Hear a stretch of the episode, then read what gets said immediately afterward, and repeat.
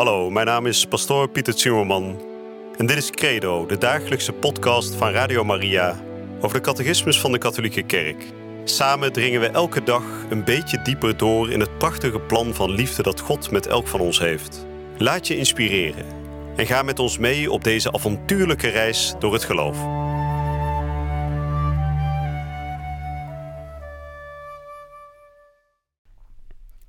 Vrienden, van harte welkom terug bij Credo, de dagelijkse portie catechese hier bij Radio Maria, waarin we deze dagen aan het spreken zijn over de verschillende mysteries in het leven van Jezus. We hebben gehoord dat het hele leven van Jezus één groot mysterie is. Een mysterie wil zeggen iets dat iets openbaart van het geheim van de Vader in de hemel. En we hebben de afgelopen dagen gesproken over de eerste 30 jaar van het leven van Jezus. zijn geboorte, het feest van Kerstmis, maar ook die jaren dat hij in de verborgenheid leefde bij Jozef en Maria in Nazareth.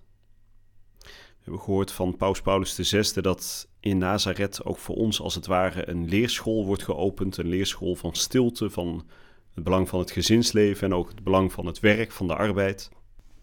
En vandaag gaan we spreken over het begin van het openbare leven van Jezus. De eerste 30 jaar in verborgenheid, de laatste drie jaar gaat hij zijn publieke, zijn openbare leven in.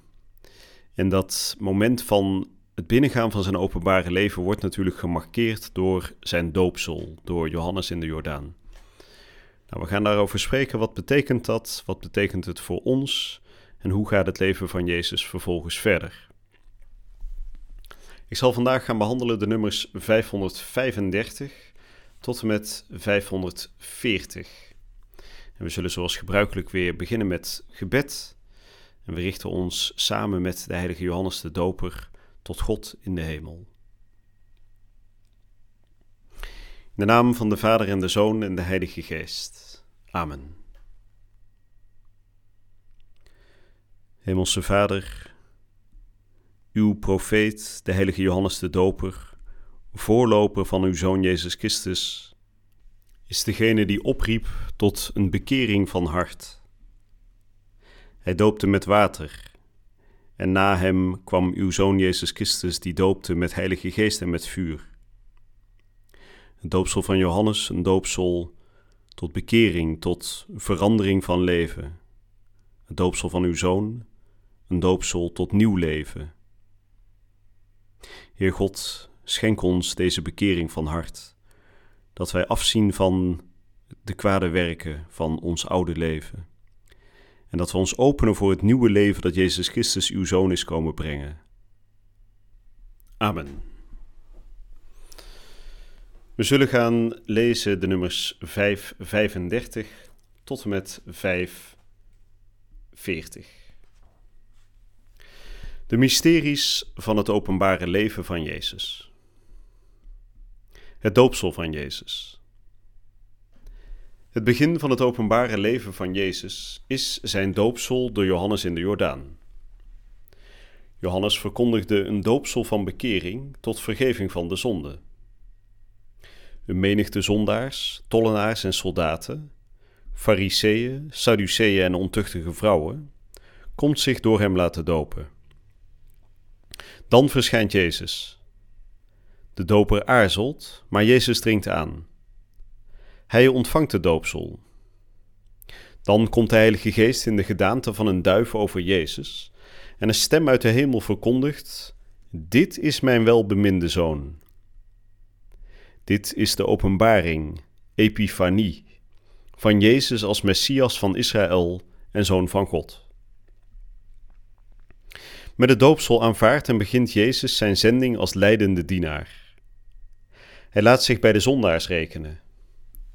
Hij is al het lam Gods dat de zonde van de wereld wegneemt. Hij loopt al vooruit op het doopsel van zijn bloedige dood. Hij komt al de gerechtigheid volledig vervullen. Dat wil zeggen, hij onderwerpt zich geheel aan de wil van zijn Vader.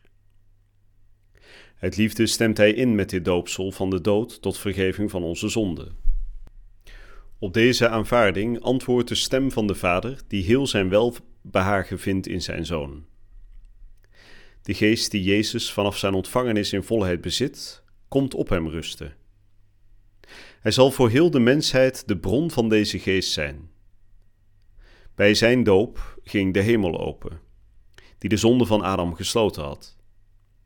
En het water wordt door de afdaling van Jezus en de geest geheiligd, een begin van de nieuwe schepping.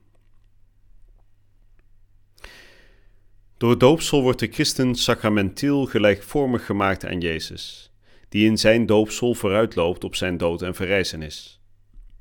De christen moet in dit mysterie van deemoedige vernedering en berouw binnengaan, afdalen in het water samen met Jezus, om met hem hieruit weer omhoog te stijgen.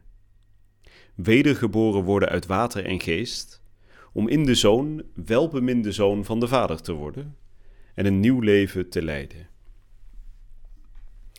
Laten we ons met Christus door het doopsel begraven om met Hem te verrijzen.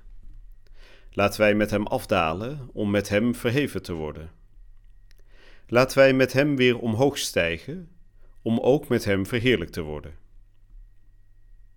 Al wat in Christus volbracht, volbracht is, laat ons zien dat na het waterbad de Heilige Geest vanaf de poorten van de hemel over ons komt.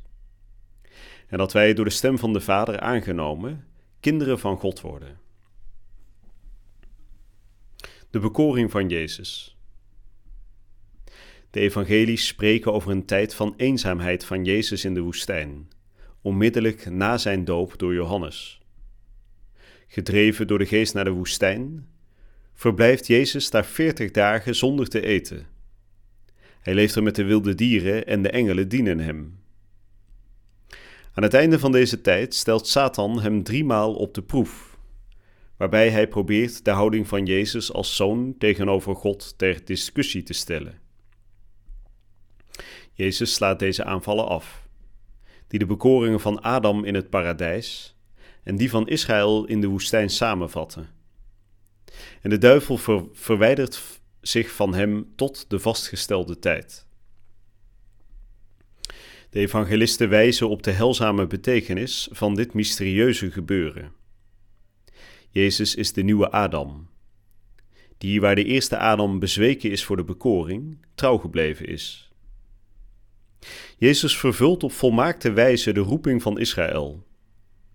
In tegenstelling tot hen die eertijds gedurende veertig jaar God, God tarten in de woestijn, openbaart Christus zich als de dienaar Gods die geheel gehoorzaam is aan de goddelijke wil.